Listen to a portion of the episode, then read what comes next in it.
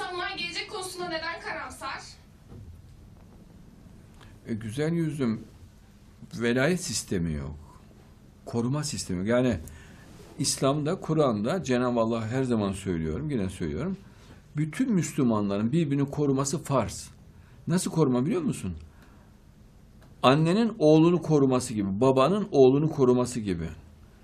Babanın eşini koruması, eşin babasını koruması gibi. Bütün Müslümanlar birbirine sorumlu. Yani kiraya ev verme falan yok Müslümanlıkta. Böyle faizle para verme. Ya adama parayı veriyorsun. Hatta diyor ki bak ayette. Şimdi parayı veriyorsun.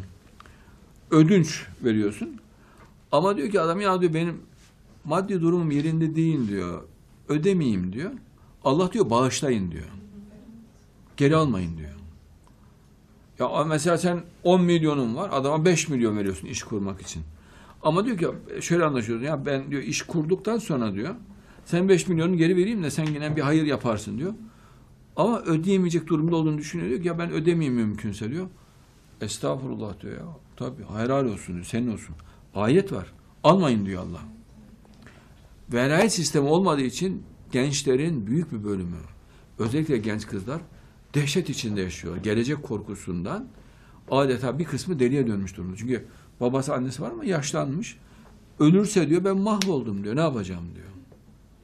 Çocuğum da yok diyor. E, çocuğum da olsa bana bakar mı bakmaz mı bilmiyorum. Benim çocuğa bakacağım. Çocuk mu bana bakacak diyor. Korku içinde yaşıyorlar. Halbuki velayet sisteminde bütün toplum birbirini kilitliyor. Herkes herkese bakıyor. Herkesin herkese bakması farz.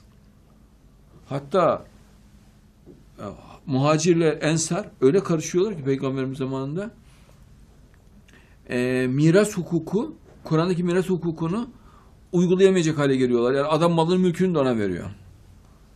Ben diyor vasiyet ediyorum diyor bütün malım falancanın diyor. Allah e, miras hukukunu bozmayın diyor. Miras hukuku devam etsin.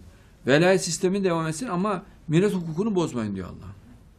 Miras hukukunu bile Müslümanlar e, vasiyetle değiştiriyorlar. Vasiyet farzı. Onun için Allah onu yeniden bir daha yeni, yeni hüküm getiriyor. Vasiyetle e, hükmü bozmayın diyor Allah.